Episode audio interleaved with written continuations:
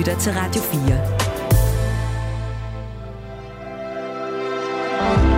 Velkommen til Mellemlinjerne. Din vært er Mathias Wissing.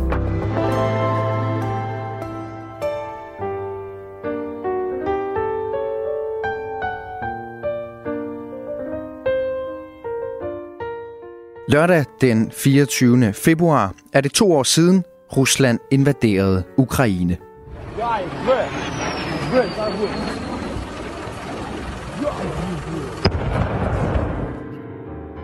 Nyhedsdækningen var i begyndelsen enorm, men som alt andet er krigen langsomt, men sikkert glædet i baggrunden, integreret i vores hverdag på sikker afstand, og selv i Ukraine er krigen for mange blevet en ny normalitet.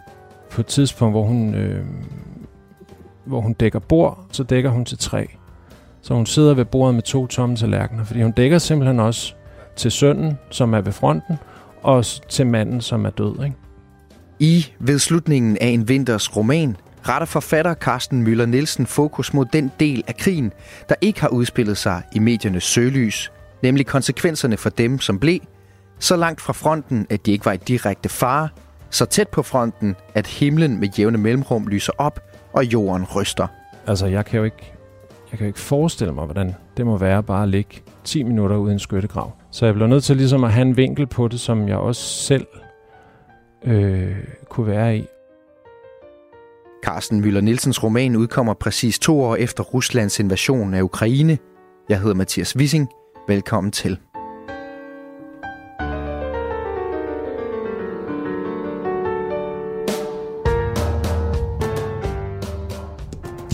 Carsten Møller Nielsen, velkommen til øh, Mellem Linjerne. Tak. Du har skrevet en bog, og det er ja. derfor, vi mødes. Ja. Den hedder Ved slutningen af en vinters roman, udkommer på, øh, på Jensen og Dalgaard om øh, 6 dage den 24. februar. Ja. Som øh, for nogle lyttere vil ringe en klokke. Det er nemlig ikke en hvilken som helst dag. Det er øh, dagen for, øh, for invasion, Ruslands invasion af Ukraine.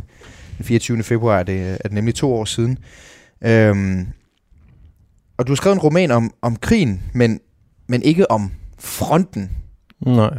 Øh, selvom man umiddelbart skulle tro, at det er øh, romaner, der handler om krige, foregår ved fronten. Men det, det er en anderledes type roman, det her, og hvordan det er det, det vender vi tilbage til. Det er noget det, vi skal snakke om.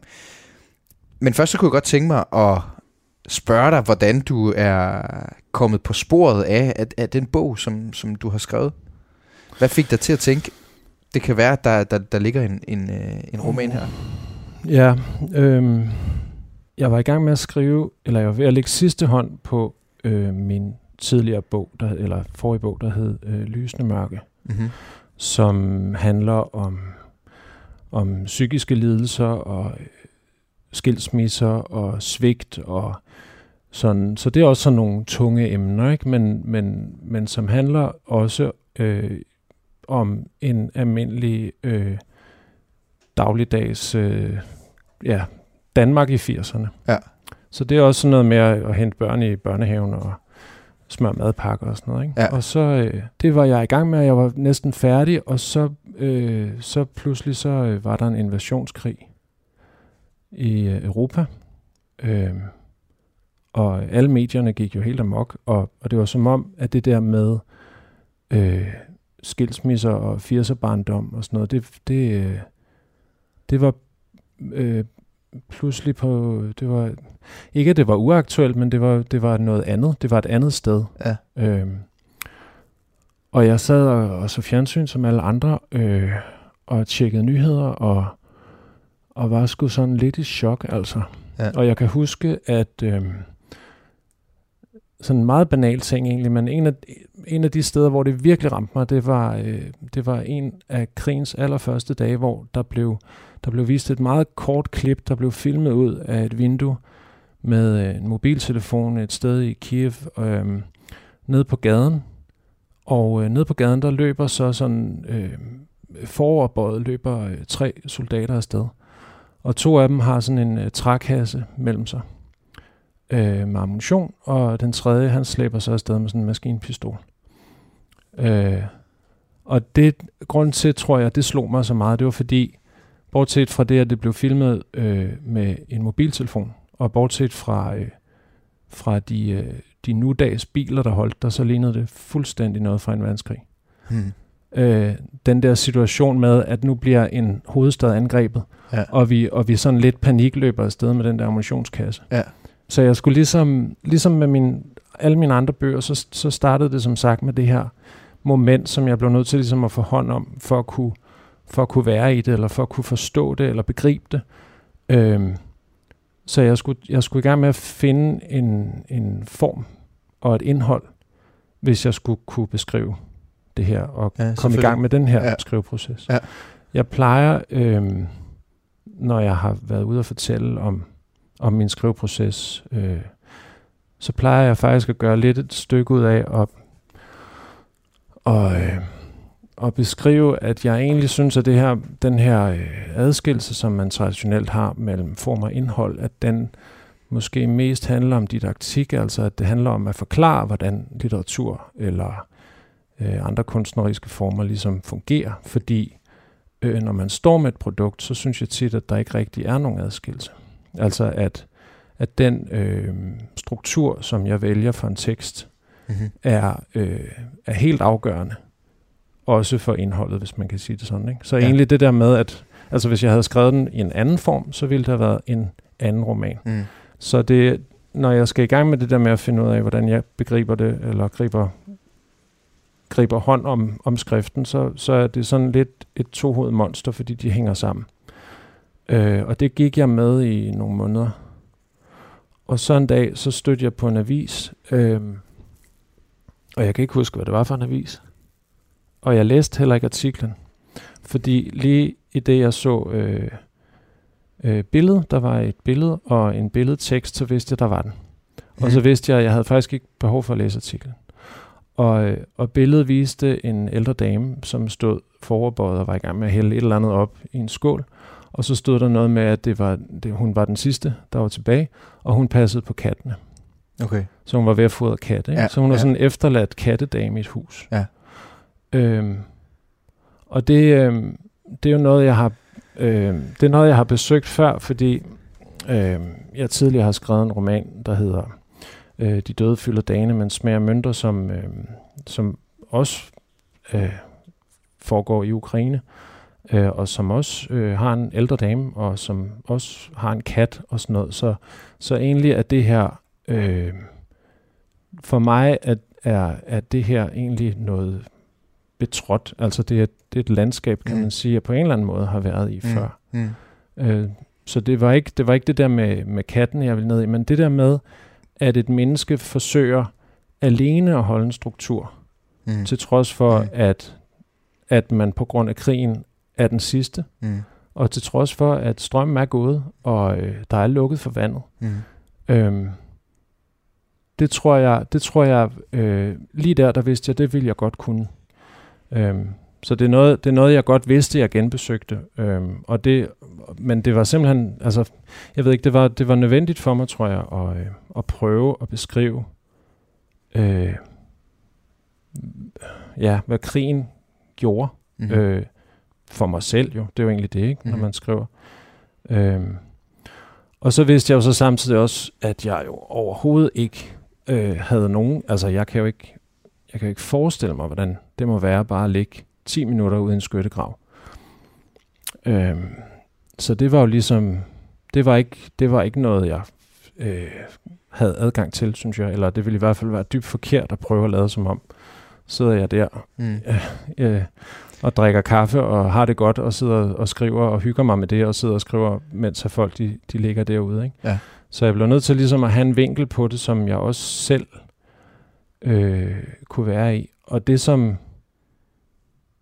det som krigen affødte i mig, var, var meget den der med, at, at øh, altså, samfundet er så enormt øh, skrøbeligt, og det kan forsvinde på et øjeblik. Og hvad er der så egentlig tilbage? Ikke? Og mm. det er Mm. det, som, som, som hende her, Mm. øh, Irena, hun jo øh, omfavner som figur i romanen, ikke? at hun, hun, er, øh, hun er ensomheden, og hun er forladtheden, og hun er øh, håbet om at gense sin søn, og hun er øh, savnet efter sin mand. Og jeg synes, det er vildt spændende, det du siger med, at, den her, altså, at, at romanens indhold er, er tæt sammenviklet med, med formen. Øh, det, det, ja. det dykker vi ned i uh, lidt senere, ikke mindst også det her med, um, hvor skrøbelig en civilisation ligesom kan være.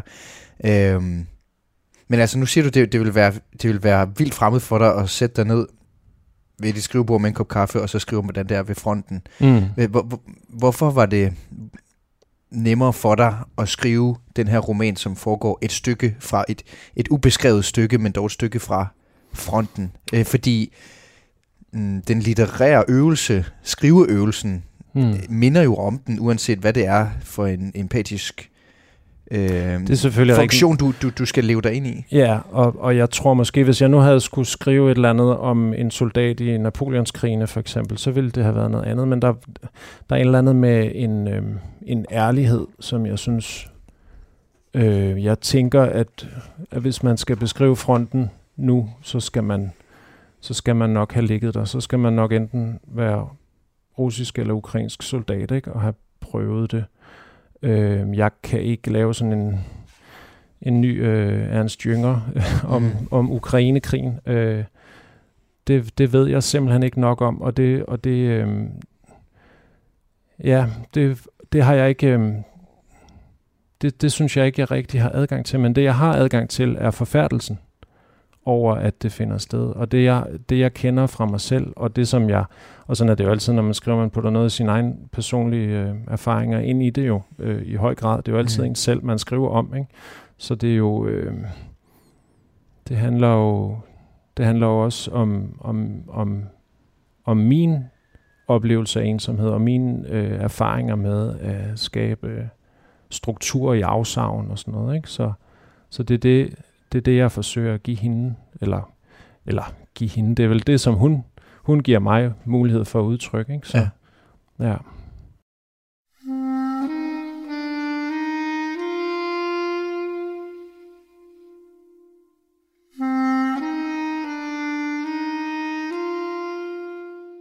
Carsten Møller Nielsen er kendt med i dansk og filosofi med bachelor i litteraturvidenskab.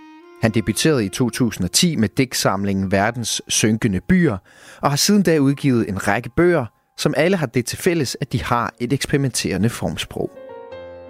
Englen over din nabos hus fra 2013 består for eksempel af 65 korte tekster, skrevet i en ubrudt sætning uden punktum, og de labyrintiske opslagsværker Bestiarium, Lapidarium og Herbarium er bygget op som middelalderens naturhistoriske håndbøger.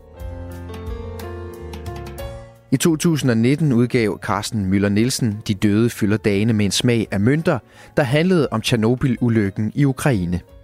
Romanen indbragte ham DR's romanpris året efter. Senest har han skrevet Lysende Mørke, der udkom i 2023. Carsten Møller Nielsens forfatterskab er karakteriseret ved at fatte litterær interesse for de individuelle skæbner og konsekvenser af store begivenheder – som tilfældet er med hovedpersonen Irena i den aktuelle ved slutningen af en vinters roman, hvis liv bliver ændret for altid, da krigen rammer.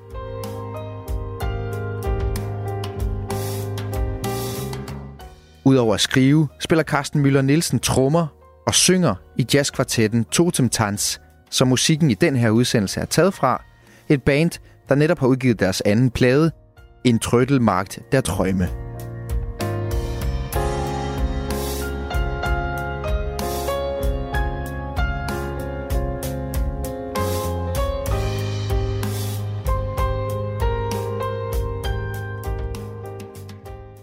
Irena, hun bor i en øh, opgang i Ukraine. Der står faktisk ikke Ukraine på noget tidspunkt i, i romanen. Der står heller ikke nogen by.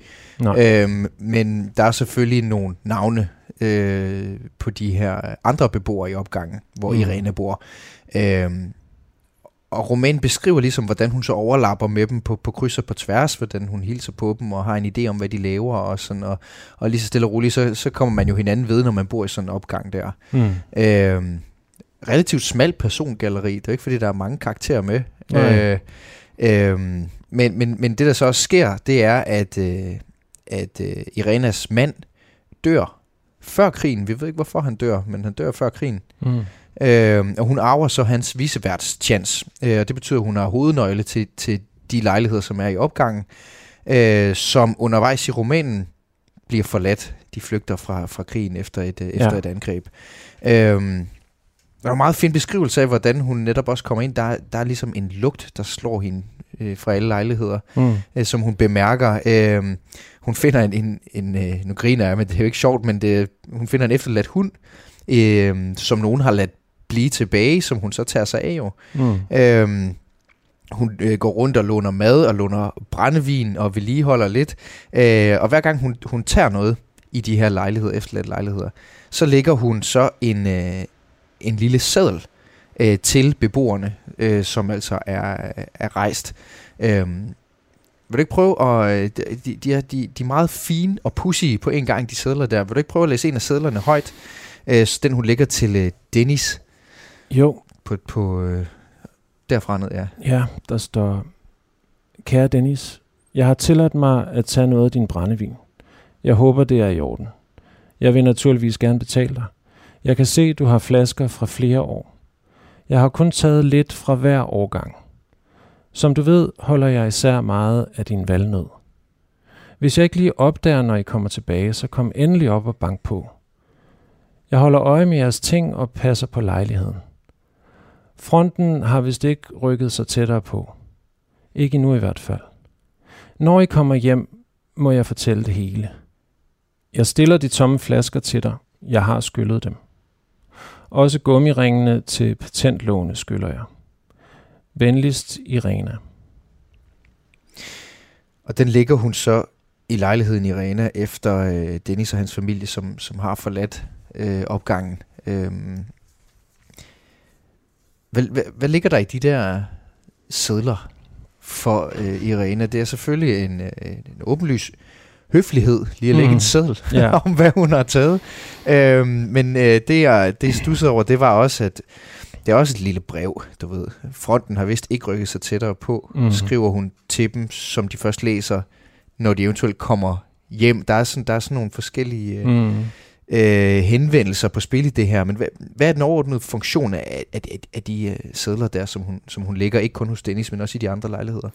Altså hun... Øh, faktisk så en, en af sådan de litterære sådan referencer, som jeg har tænkt meget over, mens jeg skrev, det var øh, Robinson Crusoe af Daniel Defoe, som jo sådan en klassiker, som man skal igennem.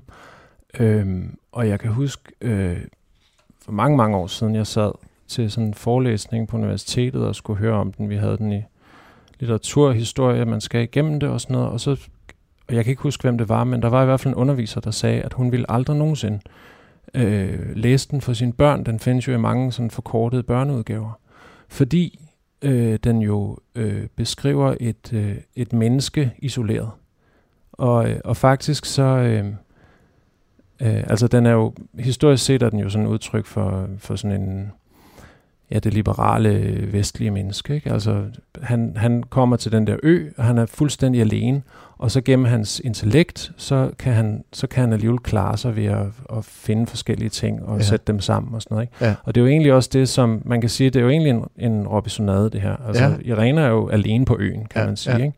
Og hun, øh, hun prøver at dyrke tomater, og hun prøver at lappe taget og sådan nogle ting. Ikke? Altså, men men øh, ja, altså det er jo, det interessante er jo bare, at de, de altså den rigtige histories øh, søfolk, som kom til øde øer, der gik jo ikke lang tid, før de enten øh, slog sig selv ihjel eller mistede forstand.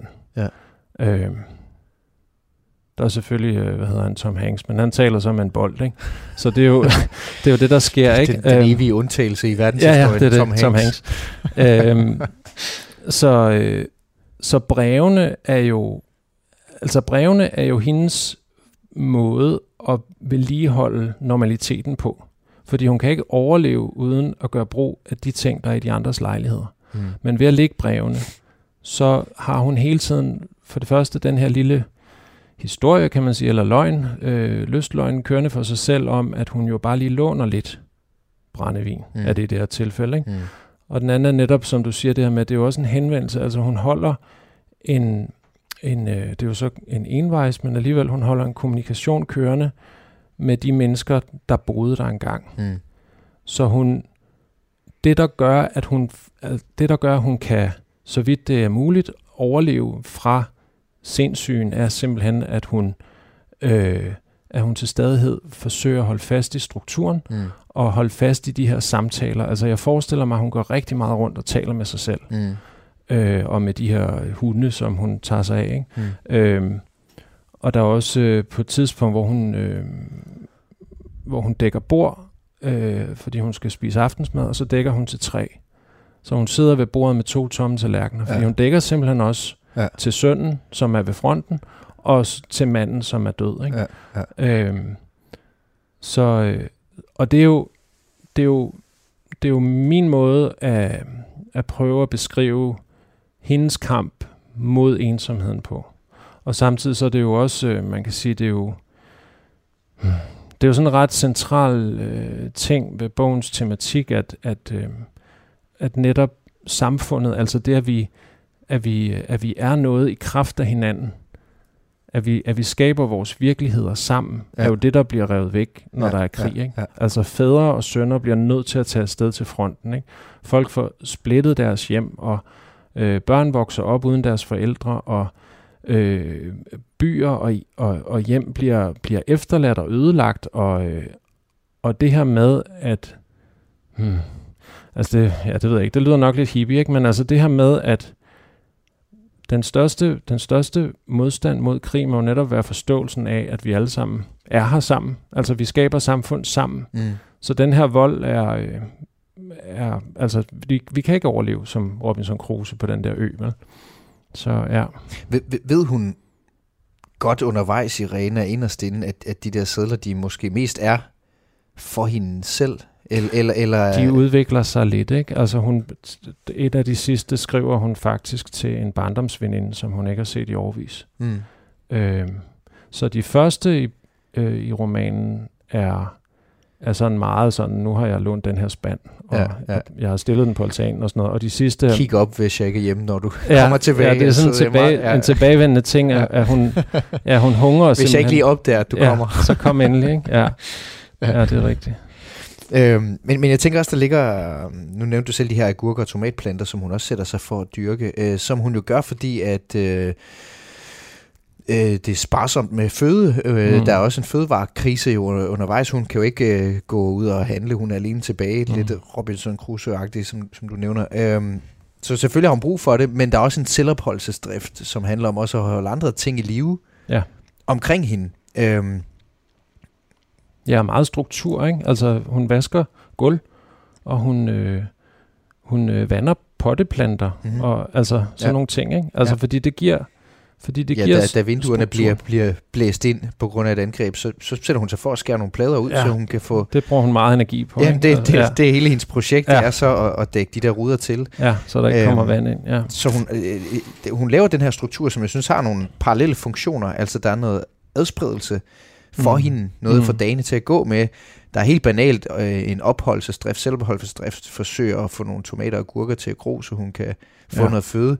Men også en, en, et forsøg på at skabe en, en, en hverdagslighed midt i den der, som det er, undtagelsestilstand for hende. Ja, og det er jo fordi, vi, vi har jo ikke andet end, end, end hverdagen, kan man sige. Altså det er jo, det er jo, de, øh, det er jo de strukturer, som vores vaner danner, som ligesom holder os i live, og jo flere af dem, hun kan opretholde, øh, jo mere mening, hvor banalt den så end måtte være, kan hun ligesom tilføre øh, dagene, der går, og vinteren, der kommer. Øh, og, og altså mens det der håb om, at nogen, gerne, meget gerne hendes søn, ikke? men bare en mm. eller anden snart kommer. Ikke? Mm. Så, øh, og det er jo også, altså man kan også sige, hvorfor tager hun ikke bare væk? Øh, hvorfor flygter hun ikke? Men det er jo fordi, at, at det der er tilbage i hendes liv, som giver mening, det er hjemmet. Mm. Øhm, og, og altså i dag er der jo mange, der, der øh, ja, lever deres liv lidt på farten. Ikke? Man, øh, man er vokset op et sted, og så kan det være, at man er, ens forældre er blevet skilt, og så er en anden familie, og så er man måske flyttet til en anden landsdel og til udlandet og tilbage igen, og så har man været på udveksling og alt muligt. Så, så det der hjembegreb er måske... Øh, det er måske ikke det samme for alle, men, men jeg forestiller mig meget, at hun, er, hun, er, hun har været der. Mm. øh, i, i det område hele hendes liv. Altså Mm. det er den verden, hun kender. Mm. Det er det, hun, det, er det, hun øh, kommer fra, og det er det, hun kalder hjem. Ikke? Så, Mm.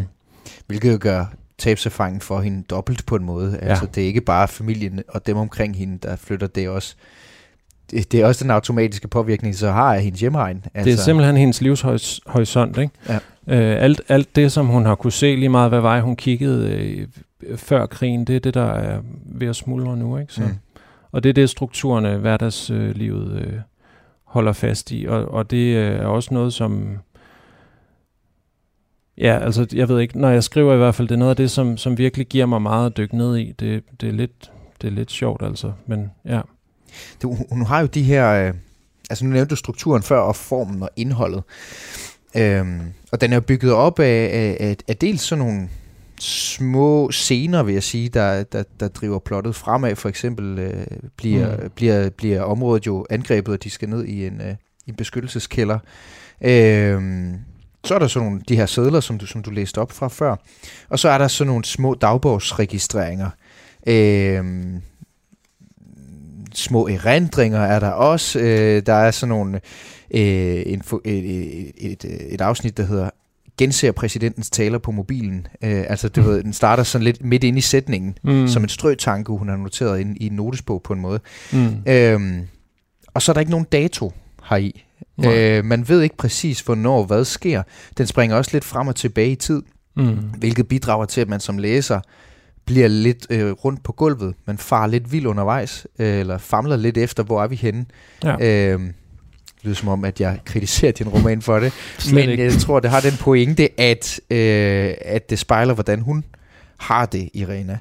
Ja. Øhm, hvad, hvad, hvad, hvad var dine tanker om, om, om netop den struktur, altså den her sammenblanding af tekster, øh, som, som, som, du, som du var inde på i, i begyndelsen af snakken? Altså det er, øh, det er noget, som jeg har, øh, det er noget, jeg har arbejdet med før, og på forskellige vis, vil jeg sige. Øh, denne her gang, jeg har, jeg har prøvet forskellige ting, men den her gang, der har jeg gjort det, at øh, jeg havde et, øh, et meget stort papir, hvor jeg øh, hver gang jeg skrev en tekst, gerne sådan en halv side, en side, så nummererede jeg den. Og så sørgede jeg for at, øh, at sprede det ud. Sådan så, at øh, jeg havde fra, så vidt jeg husker, så havde jeg simpelthen nummereret op fra 1 til 500. Mm-hmm. Og så kunne jeg en dag, der kunne jeg måske skrive nummer 77, og den næste dag nummer et eller andet 240 eller sådan noget. Og så, øh, og så blev det sådan også en, en labyrint eller et puslespil. Det er måske bedre at sige puslespil. Ja, det var simpelthen sådan en masse brikker, Mm. også for mig. Mm. Øh, så undervejs i skriveprocessen, der var det øh, det her labyrintiske. Og det øh, gjorde jeg med vilje, fordi øh, der sker det, synes jeg tit, når, når, øh, når jeg skriver i hvert fald, eller jeg ved ikke, det er nok sådan for de fleste, men altså man, lige så snart du har skrevet den første sætning, så, så begynder det jo, alle, altså sproget determinerer jo. Så hvis jeg har skrevet den første sætning, øh, så er der allerede en masse elementer i den sætning, der, øh, der begrænser, hvad det næste så kan blive. Mm.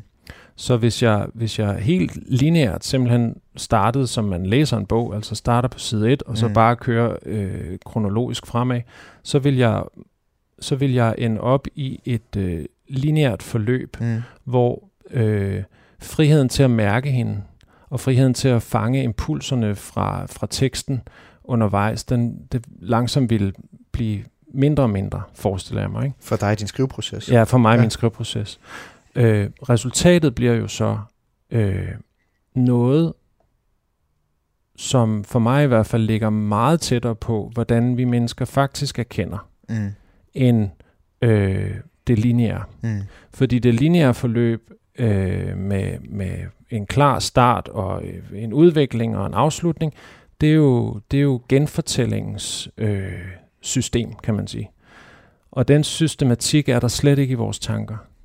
Øh, når, vi, når vi bevæger os rundt, og når vi øh, erindrer, og når vi kommunikerer, og når vi bliver mindet om et eller andet, så er vi jo alle, øh, hvad skal man sige, alle tidsplaner øh, på Mm. én gang. Mm.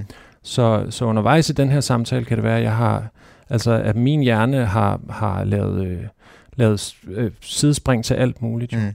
Og, og, Jamen, du har jo siddet for eksempel og kigget i den avis med det billede af hende, ja. den ældre kvinde, ja. øh, på altså, som jo er en erindring, som hører til det helt andet Ja, ja. I en helt anden tidslighed. Ja. Og, og, og, og, og når, når Irena hun bevæger sig rundt, så er der jo dufte, hun møder, der minder hende om noget, mm. og der er, der er genstand, hun støder på, der minder hende om noget, mm. og, eller som sætter en tankerække i gang, og så videre. Ikke? Men, så men, det her u, u, eller akronologiske, det er, jo, det, er jo, det er jo faktisk sådan, som, som vores erkendelse fungerer.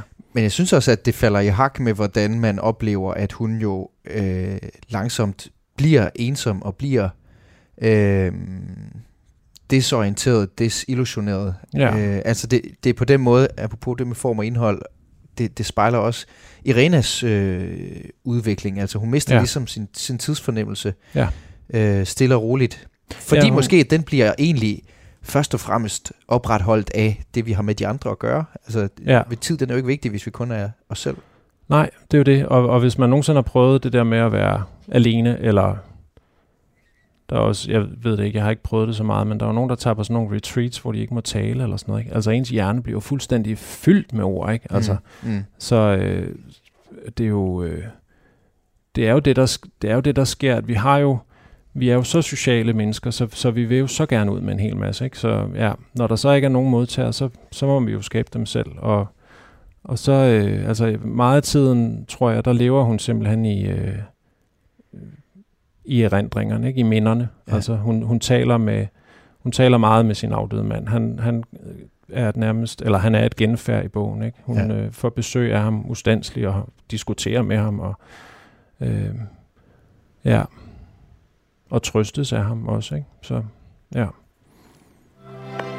Du lytter til Mellem Linjerne på Radio 4. Carsten Møller Nielsen, vi, øh, vi taler om øh, det at være ensom og det om at være alene i forbindelse med ved slutningen af en vinters roman, som er øh, din nye bog. Øh, udkommer den 24. februar på toårsdagen for Ruslands invasion af Ukraine. Men alligevel så står der ikke på noget tidspunkt øh, Vladimir Putin, eller Vladimir Zelensky, eller Ukraine, eller Rusland mm. i din bog. Øh, der er, nogle, der, er nogle, der er nogle navne, som man sådan er, det er nok dernede omkring, vi er et sted i Ukraine-egnen. Mm. Øh, men ellers er der ikke sådan de store indikationer. Øh, der er en æstetik, som, som jeg vil forbinde med den region, men, men, men der er ikke nogen ydre markører på den måde. Hvor, hvor, hvorfor har du... Var, var det bare irrelevant for romanen? Øh, eller eller mm. hvor, fordi jeg tænker, det har du jo sat dig for at sige, nej, det, det, det skal ikke have med. Der skal ikke være den der ja. altså, direkte markering. Nej, ja, men det, det, øh, det, det, det var egentlig en beslutning fra starten af. Og så ændrede den lidt undervejs, men, men øh, da jeg startede ud, der, øh, der gjorde jeg faktisk det, at jeg... Øh, at jeg, når, når, jeg, når der kom en ny karakter, en ny nabo, er det jo så primært, på banen, som skulle have et navn, så, øh, så for at finde navne, så googlede jeg øh, forskellige landes øh, sportsstjerner, eller øh, romanforfattere, ja. eller billedkunstnere, eller sådan noget. Ikke? Ja. Så gik jeg ind, og så googlede jeg italienske sportsstjerner, eller kvindelige italienske sportsstjerner, hvis det var en kvindelig figur. Ja, ja. Og så bagefter spanske, og øh, så videre, så videre. Så man kom rundt i hele Europa. Ja. Øh, så oprindeligt havde de faktisk øh, nogle navne, så, så det ikke var så tydeligt, at det var, øh, at det var østeuropæisk nødvendigvis. Okay, og så det, du har faktisk lagt dig i selen for at markere? Ja, ja lidt kan man sige. Jeg, jeg ændrede det lidt, fordi det gav, det gav, en, en, en, altså, det, det gav ikke så meget sammenhæng, men det, og det gør det så mere nu. Øh, jeg havde så lavet, oprindeligt havde jeg lavet en version, jeg sendte til forlaget, hvor der var nogle enkelte markeringer, som, som bandt denne her til den her specifikke krig, men mm. egentlig, og de kom faktisk ind i bogen ret sent. Det var noget, jeg, jeg sad med til allersidst, og forladet bad mig om at øh, fjerne det. Øh, og det, det synes jeg var en rigtig fin beslutning. Så de røg ud igen, og det gjorde de, fordi øh, jo, altså bogen er selvfølgelig sat i gang, kan man sige, af, af Ruslands aggression mod Ukraine, men, men egentlig så er det også, det, det er også øh, krigen set som en åbenbart, vi kan ikke slippe af med det, en menneskelig tilstand. Og jeg synes egentlig også måske en, en lidt en, en, en europæisk tilstand. Mm-hmm. Øh, forstået på den måde, at, at holdt op, hvor har der været meget krig på det her kontinent, og især netop de her aggressionskrige, mm. altså hvor en nation øh, for at skabe lebensravn siger, nu øh, tager vi jer ved siden af. Ikke? Øh, hvor at selvfølgelig er der rigtig mange øh, stridigheder i andre øh, dele af verden, men ofte så handler det jo om øh, militærkup og øh, revolutioner og borgerkrig og øh, narkobander og sådan noget. Men det der med, at, at, at man siger, at vores nation er noget særligt og har lov til at gøre det her mod jeres nation, det selvfølgelig ikke noget udelukkende europæisk. Man har også japanerne i Manchuriet og sådan noget. Ikke? Men alligevel, der, det er som om, det er sådan en syge, som vi mennesker bare Altså når vi er mange nok, så skaber vi åbenbart krig, og, øh, og hvis der ikke er den ene undskyldning for det, så kan vi altid finde en anden. Mm. Øhm, mm. Så det er... Så det var for, der var en, en øh, ikke global eller universel, men øh, bredere europæisk pointe yeah. i det, øh, ja, så, den som, foregår som måske ville blive unødvendigt konkret, hvis du nu havde skrevet den op på ja. For den handler egentlig Det der genser klip med præsidenten, genser klip med Zelensky, så præsidenten i stedet for, for at gøre den lidt ja, mere Ja, jeg generelt. tror, der har, der har aldrig stået Zelensky i den, men jo, altså mm. netop det her med, at, at, øh, at, at krig og, og ensomhed og kærlighed til ens børn mm-hmm. og, øh, og sorgen efter at have mistet er øh, universelt. Mm-hmm. Så øh, ja, den, den, den foregår tydeligvis i Europa, og navnene peger i retning af Østeuropa, men, mm. men, øh, men det, det er ikke så meget den konkrete krig måske. Det er mere en, det er mere et, øh, en undersøgelse af, hvad, hvad krig efterlader. Der, der, der, er, noget, der er en fin uh, metafor som går igen et par gange, øh, som er telefonnettet, der bliver beskrevet som øh, skrøbelig infrastruktur. Hmm. Det er noget af det første, der går i vasken. Ja. øh, jeg læste det som en algoritme for hele civilisationen på en måde. Altså, Nå, ja. det, jeg kan ja. godt lide det her med idé om skrøbelig infrastruktur. Ja. Øh, og jeg tænkte på, om det, ikke, om det i virkeligheden var det, som, som krigen minder os om. Ja, helt sikkert. Når den kommer ja. med sådan et ja. med, med, med, med, med sådan en aggression, som ja. tilfældet er med en, en, en øh, invasionskrig. Ja, det er en af naboerne, der har sagt det der skrøbelige infrastruktur, som, øh, som hun, Irene der, hun ligesom tager, tager den der formulering til sig og gentager den nogle gange for sig selv, ikke? at når den der telefon ikke virker, hun venter jo hele tiden på, at sønnen skal ringe hjem, mm. og han ringer også nogle gange og sådan noget, og så mm. pludselig en dag, så er det jo bare dødt, mm. øh, nettet. Øhm, men det er jo, ja, det er jo sådan en pointering af, af den der fairness, ikke? At øh, når det fungerer, så fungerer det jo. Altså, vi tænker jo heller ikke over, øh, vi tænker jo heller ikke over, at vi kan gå, før at vi pludselig sidder i kørestol og ikke kan det mere. Altså, mm. det er jo bare noget, man tager for givet, ikke? Så, mm. øh, og sådan er det også med mobiltelefoner og sådan noget. Vi har jo en bullerne digitalisering, hvor det hele bliver lagt ind i mobilen, og det er mm. fantastisk, ikke? Men mm. øh, hvis det bryder sammen. Jeg, jeg, jeg har sådan en underlig øh, fascination. Jeg tør næsten ikke kalde det længsel, fordi det lyder så hjernedødt privilegeret og idiotisk, men jeg kan faktisk godt lide det simple liv, hun så lever i al den sorg, hun har. Ja. Du ved, ja. tomatplanter, agurker, foder hundene, mm. lave et bål, lave kaffe over, øh, og, og mad over det der bål, fordi at øh, nettet er røget og sådan nogle ting. Mm. Der er et eller andet vildt underligt øh, paradoks i, øh, ja. i, at hun så endelig vender tilbage til nogle meget, meget simple ting, i og med, at alt er brudt sammen omkring hende. Ja. Øh, kan, kan du genkende den sikkert. meget, meget forkælede position, det er indtaget? Nej, altså, det, jeg, vil, jeg vil jo ikke have vridt armen om, jeg vil jo selv bestemme, hvis det skulle være, og derfor kommer jeg aldrig til at bestemme det. Mm. Men når jeg læser om det her, så kan jeg også godt fascineres af, ja. af, den, af det liv, hun så bliver tvunget til at leve. Ja, og det er jo øh, i modsætning til den der underviser, jeg havde der, som ikke mente, at man skulle læse Robinson Crusoe, så kan jeg huske den fra da jeg var barn. Jeg synes, det var mega fascinerende. Mm. Og det, altså det der med at løbe rundt sammen med nabobørnene og bygge hule og øh, buerpil og sådan noget, ikke? Mm. Og, øh, og hapse æbler inde hos øh, præsten og sådan noget. Ikke? Altså det er jo, det, det, hele den der, det er jo også, det er jo også en, altså det er jo også en glæde ved det umiddelbare, som, som, som, øh, som er ret tiltrækkende mm. også, ikke? Og jeg tror også, mm. altså det er jo, Ja, ja, men der er jo, altså, der er jo, der er jo mange, der i dag søger det også, tror jeg. Ikke? Øhm, nok ikke lige den her form, fordi den er selvfølgelig rimelig, rimelig sørgelig, ikke? Men, men, øhm, men der er jo altså der er jo en bevidstliggørelse om det konkrete igen. Mm. Når jeg når jeg mm. tillader mig at bruge mange sider ud af en ret tynd bog, jo ikke på for eksempel det der med at hun skal have skåret de der plader til og have skruet dem op, ikke mens mm. der er stadig batteri på skruemaskinen mm. og sådan noget, ikke?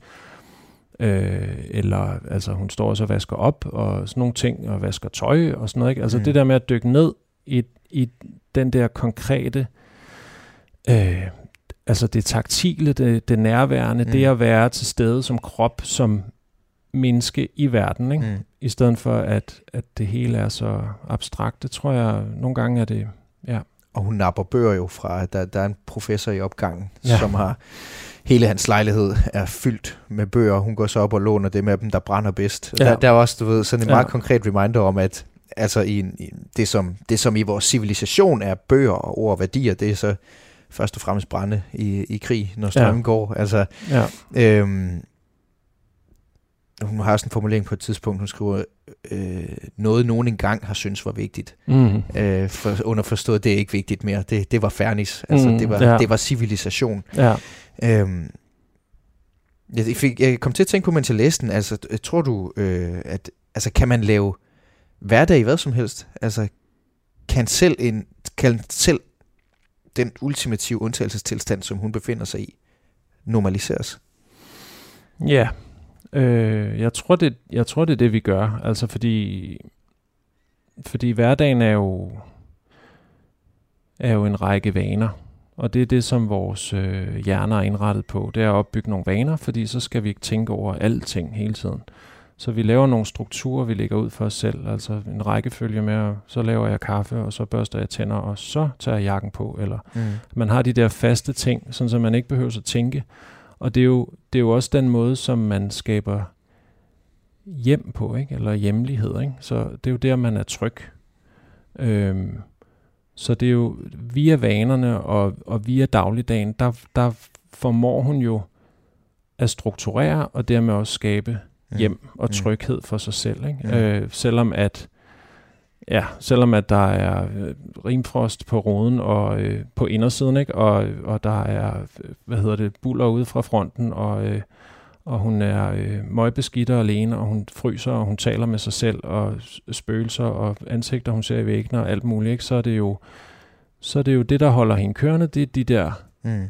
hverdagslige ting. Mm. Øh, og det tror jeg sker alle steder. Altså Ja, og det er noget af det, det, er noget af det første, tror jeg. Det er også, altså jeg tror også, hvis, øh, hvis man kommer til en flygtningelejr, så noget af det vigtigste, det er jo at etablere en, noget skoletilbud for børnene, ikke, som det første. Mm. Fordi det der med, at de har noget at mm. gå hen til, mm. at have en struktur, mm. øh, det er bare, øh, ja. Men, men, øh, men omvendt, så, så tænker jeg også, altså, noget af det, som jeg også synes, din roman kommer og minder os om, det er, hvordan livet stadigvæk er under en krig. Altså, der er, der er ske, jeg ved ikke, om vi, man kan sige, at vi har normaliseret Ruslands invasion af Ukraine, men vi har mm. en erfaring af, øh, at nu er den der jo. Ja. Du ved. Det, det, det, det er som om, at det, det river ikke lige så meget, når vi hører om den nu, som det gjorde for, for, for to år siden. Øhm, selvom at, altså, samtidig så sker det jo også det i Ukraine, at, at, at de øh, er jo også nu ved at være så afmagrede mm. af krigen, udsultede. Altså at, øh, åh, vi skal, vi skal slå tilbage, vi skal nok komme igennem det. Zelensky holder nogle bullertaler og bragtaler, vi rykker sammen, vi er ukrainerne. Mm. Men lige så stille og roligt, så, så er der jo nogen, der begynder at blive lidt vrede på dem, der er flygtet, fordi de er også nogen, der er blevet tilbage, og der er nogen, der har mistet mænd ved fronten, og de skal også finde nogle andre mænd, men er det så, mm. hvor stiller det så de andres familier? Altså, der er et eller andet øh, ubegribeligt ubenhørligt ved krig, som ikke bare handler om, at folk dør, som selvfølgelig er en forfærdelig ting, men der er intet upåvirket af en krig jo i, i en nation.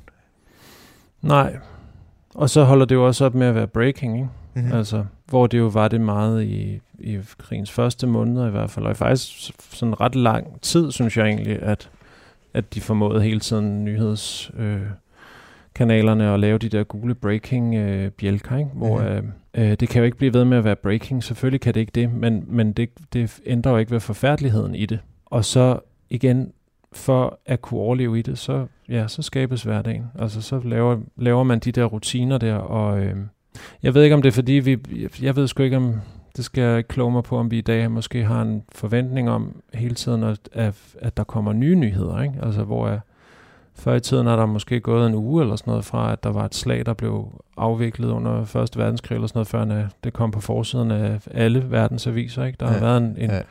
noget tid der, ikke? Men, men, men i dag der virker det jo som om, at det, der skete for fem dage siden, det er jo ja. så gammel nyhed. Ja, men det er, altså, det er så, altså for, for hvad der så snart er to år siden, så havde man jo en følelse af, at det pludselig så vidste alle, hvordan apropos infrastrukturen, men hvordan øh, broerne så ud i, øh, ja, ja, ja. i Ukraine, og hvad, hvad der blev spring, sprunget hvornår, og hvorfor det var strategisk klogt eller ikke klogt, noget, ja. vi sad og klogede sig på på sociale medier, ikke? Jo. Til nu, hvor, hvor, hvor den bare lig, ligesom ligger som et baggrundstapet.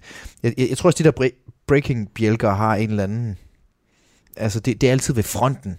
Ja når, når vi hører, altså det, det du har skrevet om her, det er ikke breaking stuff. Nej, det kan man ikke sige. Det, øhm, det er det stille liv. Så ja. der ligger også sådan en eller anden uh, struktur i, hvad medierne, hvordan medierne kan tage fat i krigen, som er en slags, mm. som, som, som er meget maskulin på en måde, ikke? Altså meget... Jo. meget øh, det er anti-TikTok, den her roman. Altså det er virkelig, det må man kalde den. Ja, der er ikke noget sjovt øh, diskolys eller dans. Det er, det er virkelig bare... Øh, ja, det er ikke breaking, nej. Men det, hvad, og, det er og, og hvad kan litteraturen, når den netop øh, insisterer på ikke at være breaking og heller ikke at være TikTok, i forbindelse med at minde os om, at der stadigvæk er en, en krig, der, der, der buller derud af?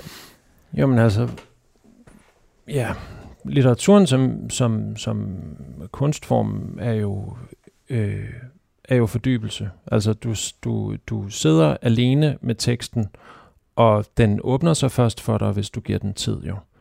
Øhm, så, øh, så det, er jo, det, er jo, øh, det er jo noget med at, at, at give den lov til at skabe det rum for dig.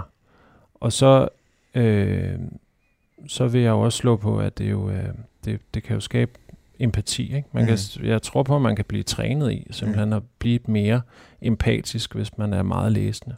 Men nu, nu talte du tidligere om, at det, det vil ikke være du ville ikke kunne skrive den roman, der foregår ved, ved fronten. Nej. Det var, det var den her bog, du kunne skrive. Ja.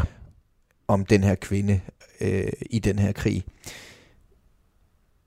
Men vil du også hellere skrive den her bog, end det slag? Selv hvis du kunne, selv hvis du, øhm. lad os sige, at du havde, lad os, lad os sige, du var tidligere udsendt, du var veteran eller sådan et, altså, vil du stadigvæk hellere skrive den her bog, end, Oh, den det, del af krigen, du udfolder sig Det er svært at svare på, fordi så ville jeg jo have været en anden. Så ville jeg jo have haft nogle andre erfaringer, hvis jeg, hvis jeg havde været udsendt. Ikke? Så, øh, og jeg ville helt sikkert have haft et andet behov for at fortælle nogle andre historier jo.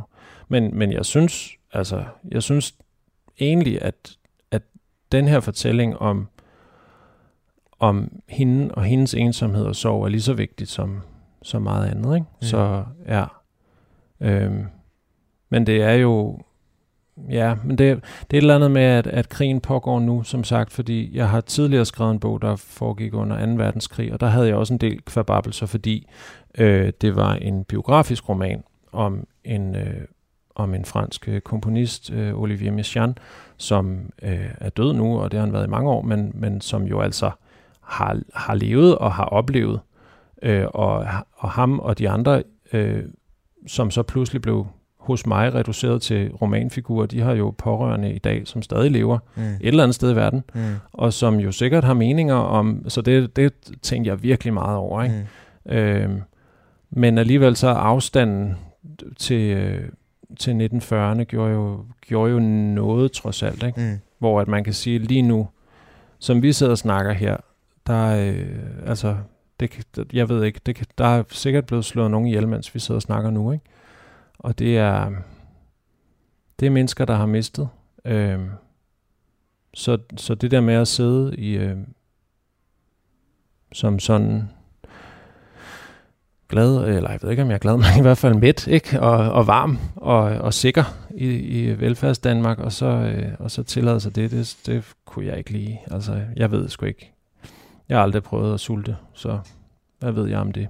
Men det her, øh, men ensomheden, mm. og sorgen. Den, øh, og der bliver, rum, der bliver en, en hvilken som helst roman eller, eller litteratur generelt, tror jeg, det er jo også en måde ligesom at, Øh, altså man finder jo nogle symboler eller, eller nogle, øh, nogle værktøjer i hvert fald, som, som kan... Øh, som kan udtrykke det, og, og ofte så er det jo også, altså det er jo over, overdrivelsen, kan man sige, ikke? Så, så hendes, øh, hendes liv øh, er jo, øh, hendes ensomhed og hendes sorg og hendes hverdag er jo ligesom forstørret op, for at jeg kan, kan give det mere mm.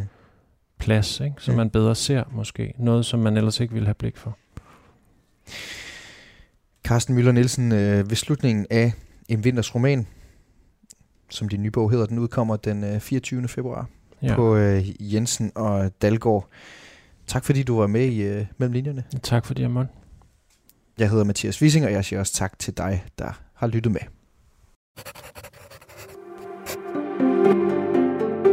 Jeg skriver noter øhm, dagligt, en sådan form for dagbogsnotater, øh, hvor jeg skriver, ja, det kan være alt muligt, fra bitte små registreringer, hvad jeg laver i hverdagen, til nogle meget store tanker. I notesbogen på Radio 4 taler forfatter Tine Hø med forskellige gæster om de emner, der trænger sig på i hendes noter. Og i dag, der tænker jeg, at jeg vil læse nogle, nogle noter for dig, som jeg har skrevet i løbet af januar. Og de handler på forskellig vis om frygt og mørke og gys. Øhm, der er noget her, som jeg er nysgerrig på, eller som jeg ligesom gerne vil undersøge sammen med dig. Lyt til Notesbogen i Radio 4's app, eller der, hvor du lytter til podcast.